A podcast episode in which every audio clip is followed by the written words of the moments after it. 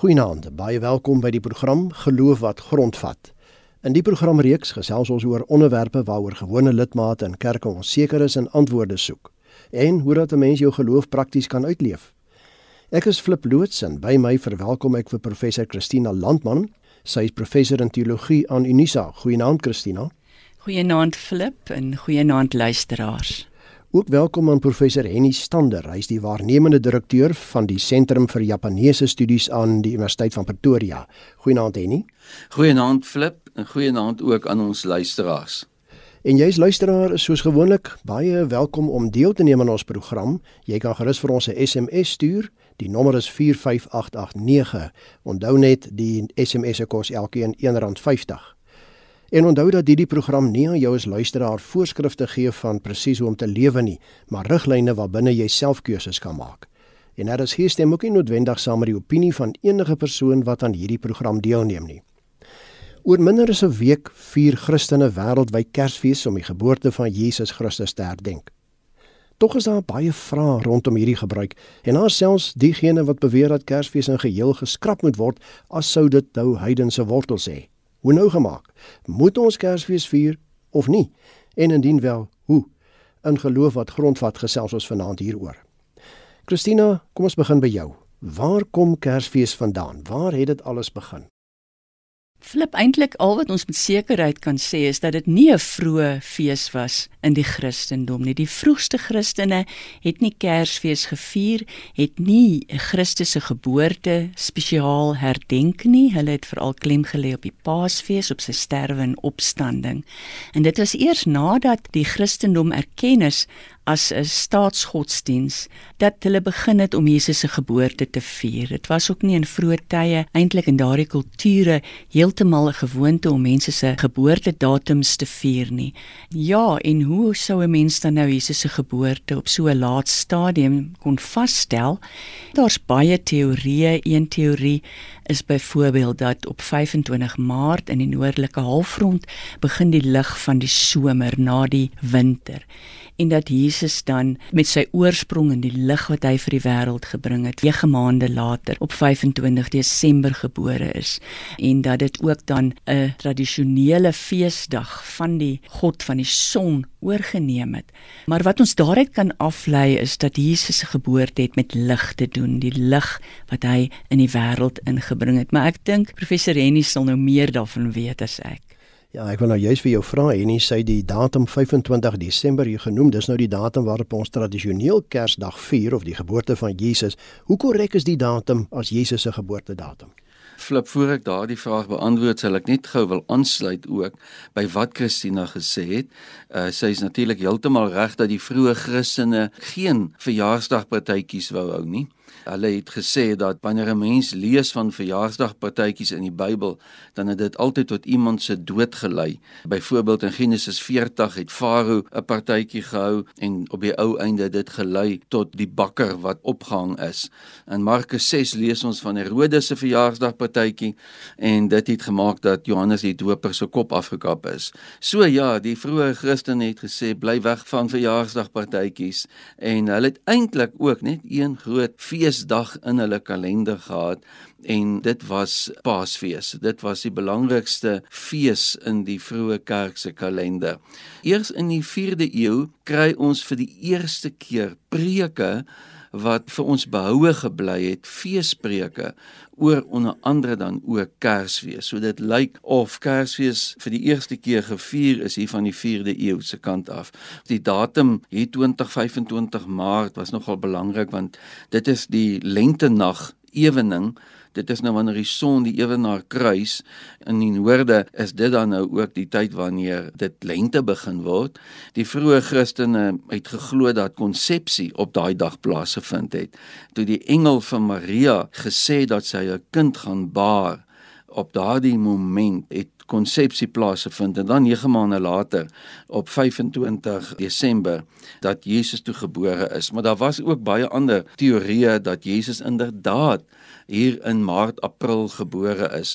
Ek dink ons kan met sekerheid sê dat Jesus nie op 25 Desember gebore is nie. Een van die redes hoekom ons so kan sê, ons lees in die evangelies van herders wat in die oop velde met hulle diere was en ons weet in baie koue maande wanneer dit baie koud is is die diere tuis gehou in stalle of in grotte. So dit is ons aanduiding dat dit nie te koud was nie, dat dit in redelike in 'n lentetyd of somertyd was. Nou waar kom ons dan aan 25 Desember? Christina het nou reeds ook verwys na daardie groot feesdag van die heidene van die Romeine, die Natalis Saulus Invicti. Dit beteken die geboortedag van die onoorwonde son. Dit is wanneer die winter besig is om weg te gaan in die noordelike halfrond en wanneer dit weer begin sonnig word, wanneer die son eintlik besig is om die duisternis te wen in die noordelike halfrond. Dit gaan juis oor daardie konsep van lig wat Christina ook uitgelig het. Die Romeine het groot fees gevier, want nou kan hulle plant en hulle kan oes, die son wen en hulle het partytjies gehou. Christene het daarvan gehou om deel te neem aan hierdie partytjies. So die kerkleiers het besluit, kom ons gee dit 'n Christelike kleur en sê maar vier dan ook die geboorte van Jesus in hierdie tyd. En dan het hulle verwys na Maleagi 4 vers 2 waar daar staan van die son van geregtigheid en vir die Christene was dit 'n verwysing na die koms van Jesus. So hulle het gesê Jesus is eintlik 'n soort van 'n songod, so besiel gepas om dan sy geboorte te vier in hierdie tyd. So ja, die Christene het dus die Romeinse fees 'n nuwe betekenis gegee, nuwe inhoud aan die fees gegee. So dit is waarskynlik waar ons kom aan die datum van 25 Desember. Christina as Henny nou so verwys na die heidense fees wat die Romeine gevier het wat oorgeneem is deur die Christene. Die Bybel rep niks daaroor as ek reg is nie. As dit so is, hoe Christelik is dit dan om hierdie fees te vier? Ek dink in daardie tye was dit amper algemene praktyk dat 'n godsdiens of 'n nuwe rigting sou ou feestye oorneem. Dit was niks snaaks nie in ons tyd gebeur dit nou ook, sê maar 16 Desember was 'n spesiale fees wat nou 'n ander fees geword het. Mense kan amper sê dat Kersfees nou alweer 'n nie Christelike fees geword het. En daarom dat 'n mens moet sê maar kyk, ons kyk nou na 1600 jaar van Kersfees as 'n Christelike feesvier. Kom ons as Christene herstel dit en dit is ons invalshoek en ons bly daarbey. Ek het geen probleem daarmee dat dit 'n heidense oorsprong het nie. So die feit dat ons dit met Christelike inhoude en waardes vul, dis vir my belangrik en hoe ons dit dan doen. En nie maar ons sien oor Kerstyd kerskaartjies en prente van Vader Kersfees met sy lang wit baard en sy rooi klere aan en dan dikwels is daar ook nog rendiere en 'n slee vol geskenke. Watter rol speel hierdie Vader Kersfees in ons Kersvierings? Wel 'n baie groot rol. Flip Kersvader speel 'n baie belangrike rol in huisgesinne waar daar nou ander kinders is en kleinkinders as 'n mens die opgewondenheid op die gesiggies van kinders en kleinkinders sien dan wens ek ook dat Kersvader nooit wil weggaan nie. So ja, daar's 'n bietjie fantasie ook by wat tog ook belangrik is. Flip ek weet nie of ek nou hier ook sommer mag vertel van daardie baie bekende brief van Virginia wat sy geskryf het in 1897 aan die Sun, die tydskrif daar in New York en sy skryf toe vir die redakteur en sy sê my maats by die skool sê vir my daar is nie 'n Kersvader nie. My pa sê dat die son nooit jok nie. En daarom wil ek by julle weet, is daar 'n Kersvader? En dan antwoord die redakteur verskriklike mooi brief wat hy skryf in sy redaksionele kolom. En dan sê hy solank as wat daar goedheid is en deernis en liefde en omgee so lank sal daar 'n Kersvader wees. En dan sê hy so ja, Virginia, daar is 'n Kersvader. Net soos wat mens nie 'n wêreld kan indink sonder Virginia nie kan jy ook nie 'n wêreld indink sonder 'n Kersvader nie.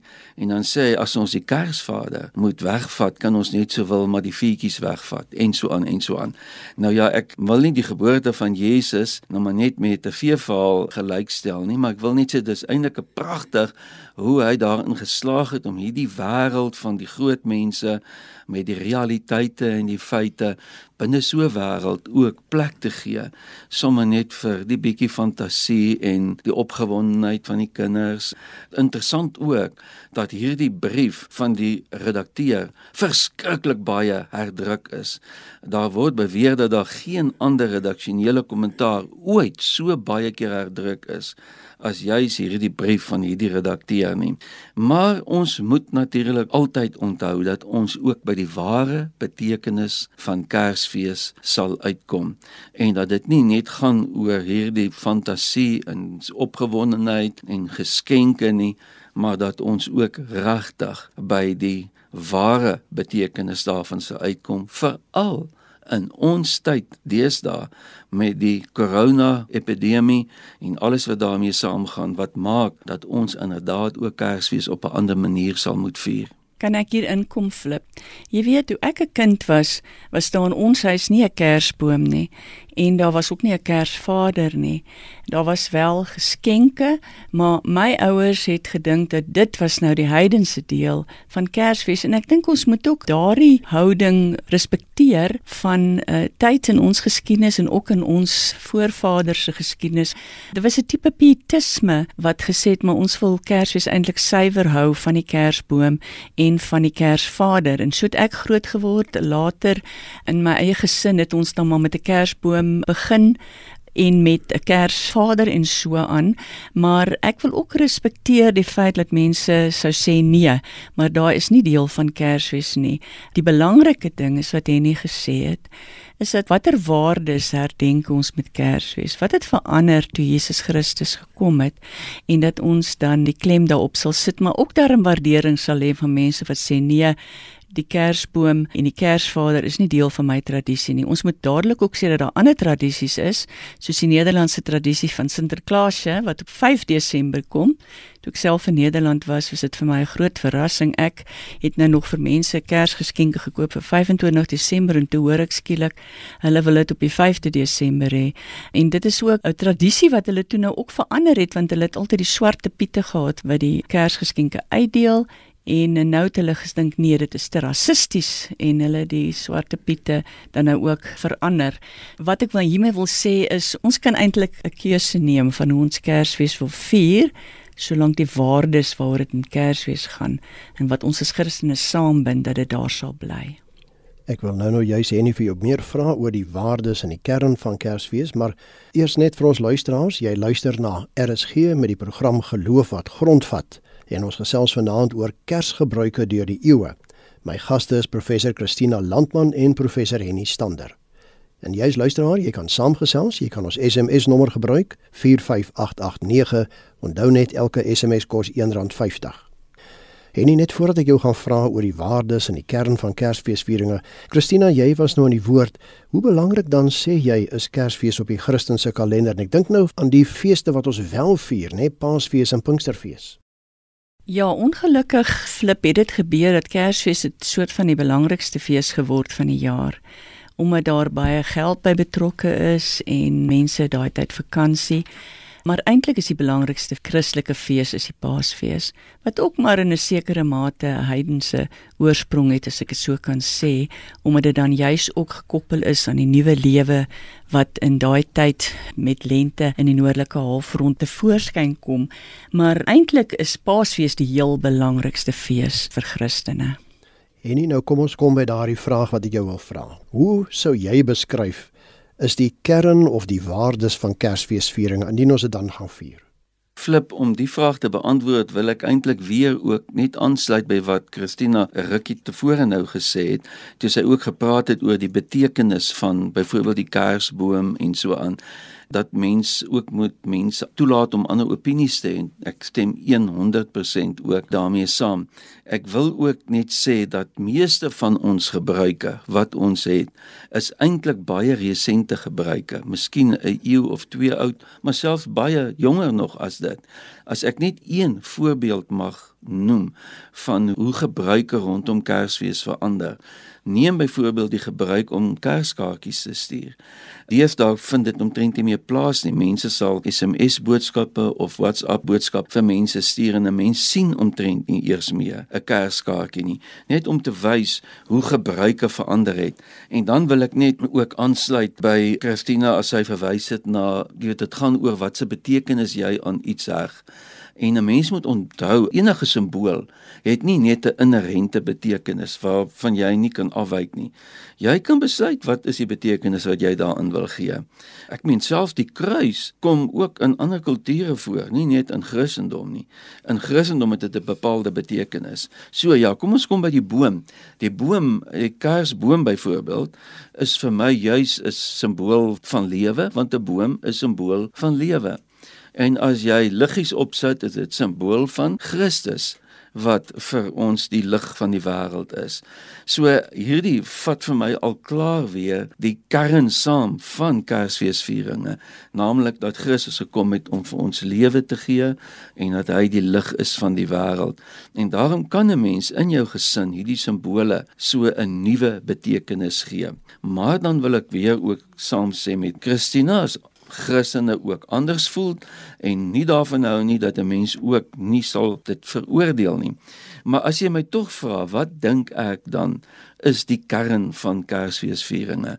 Dan dink ek sal ek dit saamvat met die naam van Christus, Immanuel wat beteken God by ons. Dis die kern dat God na die aarde toe gekom het, dat hy vir ons mens geword het en dat dit teken is van sy liefde vir ons, van sy omgee van ons dat hy die lig in die lewe is en vir ons lig en lewe gee. En ek dink dit hoor dan ook in hierdie tyd van Kersfeesvieringe vir ons belangrike waardes te wees wat ons uitdra in hierdie tyd om om te gee, om liefde uit te dra, om lig te gee, om vrede te verkondig en te bewerkstellig, om vredemakers te wees. So ek sou sê dit is die kern van Kersfeesvieringe. Christina, hoe sou jy dink kan Christelike kerke nou Kersfees op die beste manier vier? Kom ons raak prakties. Hoe gaan julle in jou gemeente dit doen? Ons het reeds ons Kersfeesdiens gehad wat beteken dat ons in November al Kersfees gevier het juis omdat daar dan nou in Desember 'n bietjie meer sekulêre gees intree. Mense is weg met vakansie, mense wat baie ver van hulle familie weg is want die mense in ons gemeente se familie is ver in die Noord-Kaap. Hulle gaan soontoe en dat ons dan voel dat ons 'n deel van Kersfees nie behoorlik kan vier in daardie tyd op die 25ste Desember nie. Maar die Kersfeesvierings by ons het twee dele. Die een is om daai uitbundige vreugde, daai fantastiese gevoel van die Here het werklik gekom en hy het gekom om goeie te bring. Daai uitbundigheid ons wou daarin uiting gee. Ons het 'n orkes genooi en hulle het 'n geweldige fantastiese geluid kom maak daar met kersliedere wat ons gesing het. Die volgende sonderdag skoon het die mense amper nie lus gehad om sonder die orkes te sing nie. Ons het kersliedere gesing saam met hierdie orkes wat die shabeen enige ander nabye geluid heeltemal verdoof het.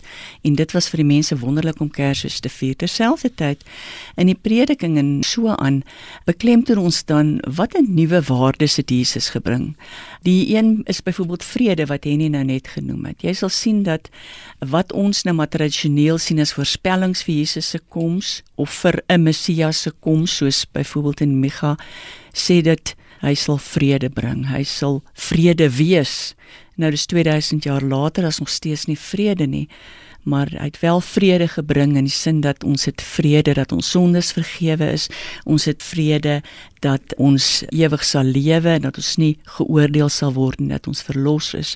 Ons het nie net die namaalse vrede nie, ons het die vrede van Jesus in ons harte en in ons koppe wanneer ons konflik hanteer, wanneer ons menswaardigheid aangetast word, wanneer ons die lewe hanteer, kan ons dit doen ons het so 'n slogan gehad think peace anyway dit is 'n waarde wat gekom het met Jesus se koms wat nie daar was in daai verskriklike Romeinse tye toe oorlog en mag en daardie dinge geseëvier het nie so dis hoe ons Kersfees vier in ons gemeente Dit is RSG met die program Geloof wat grondvat en ons gesels vanaand oor Kersgebruike deur die eeue. My gaste is professor Christina Landman en professor Henny Stander. Henny, jy het nou, nou net daarna verwys die Kersboom met sy liggies, maar waar kom hierdie gedagte vandaan om in ons huise hierdie bome met die liggies te hê? Flip in die 16de eeu het die Duitsers begin om met Kerstyd 'n boom in hulle huis te versier. En dan een van die simboliese betekenis van die boom was dat dit nou lewe vir sinne beeld het en dat Christus vir ons lewe gebring het. Nou gewoonlik is daar dan ook dennebome gekies omdat dit een van die bome is in die noordelike halfrond wat natuurlik nie blare verloor in die winter nie. En verder is daar dan ook klokkies gesit aan hierdie bome want in die antieke wêreld het mense nie horlosies gehad nie wanneer 'n vergadering begin nie.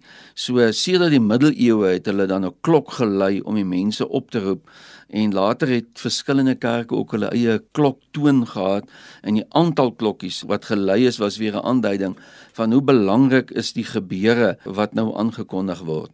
En ek dink dan ook dis voor die hand liggend dat die ster op die boom dat dit verwys na die ster wat die wyse manne ook gesien het. Maar in 1830 het die Duitse immigrante daar in Amerika ook hierdie boom ingevoer na Amerika toe en die boom het daar ook weer 'n paar veranderinge ondergaan en is weer uitgevoer na Europa toe. As ek twee goed kan sê van Kersversierings en so aan en dit is dat dit eintlik alles baie laat ontwikkelinge is en dat dit nie net op een tyd ontstaan het nie. Dit het oor 'n lang periode ontstaan. So dit was laat ontwikkelinge en dit het verder ook daarna oor 'n lang tyd verder ontwikkel. Christina as ons dink aan Kersfees dan dink ons aan Josef, Maria en die baba in die krib. Waar sou jy sê pas families deesdae in tydens die Kersdagvierings? Ek dink nie dat Kersfees 'n oorspronklike familiefees was nie. Jy sal ook baie min sien dat uh, Josef met die kindjie uitgebeeld word. In die Oosterse tradisie mag dit glad eintlik nie gebeur nie. Maar ek is bly dat ons vandag Kersfees so kan inkleer dat families bymekaar kan wees. Al het dit partykeer nie baie met die kerk te doen nie, maar ons families is baie uiteengeskeur deur politieke en ekonomiese omstandighede en dis 'n keer in die jaar dat families moeite kan doen om bymekaar te wees en dat dit so gerespekteer word deur die regering, deur werkgewers en so aan. So ek sou dink dat dit is 'n baie belangrike byproduk van Kersfees dat families daai dag bymekaar sal wees. En nie kom ons vat saam. Watter plek dink jy indien enige het Kersfees dan tog in die 21ste eeu onder Christene? Wel flip eerste plek die blink liggies en die mooi geskenke en die romantiek van 'n pap babatjie sal seker maar altyd by ons bly veral ook vanweë die kommersiële waarde wat dit het. Is eintlik vreemd dat by Kersfees ons aan Jesus dink as 'n pap hulpelose babatjie want as 'n mens iemand se verjaarsdag vier sê nou maar Paul Creer se verjaarsdag op 10 Oktober dan dink ons nie aan Paul Creer as 'n babatjie nie maar ons dink hom as 'n volwasse mens en wat hy bereik het in die lewe en eintlik is dit so ook met Christus dat ons hom nie moet reduseer tot 'n pappe babatjie nie, maar tot iemand wat gekom het en vrede vir ons verkondig het en hoe ons met God versoen kan word.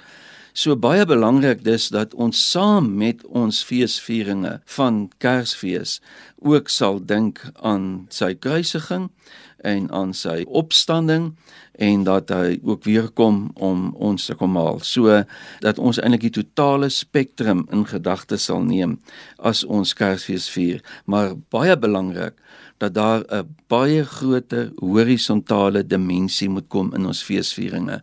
Dat dit nie net gaan oor my en my geskenke en my geluk en vreugde nie, maar hoe kan ek dit wat God vir ons geskenk het en wat ons gedenk op 25 Desember, hoe kan ons dit ook weer deurgee aan mense rondom ons, mense wat swaar kry, mense wat alleen is, mense wat nood het en dat ons dit sal raak sien en ook daardie waardes by ons kinders sal inprent.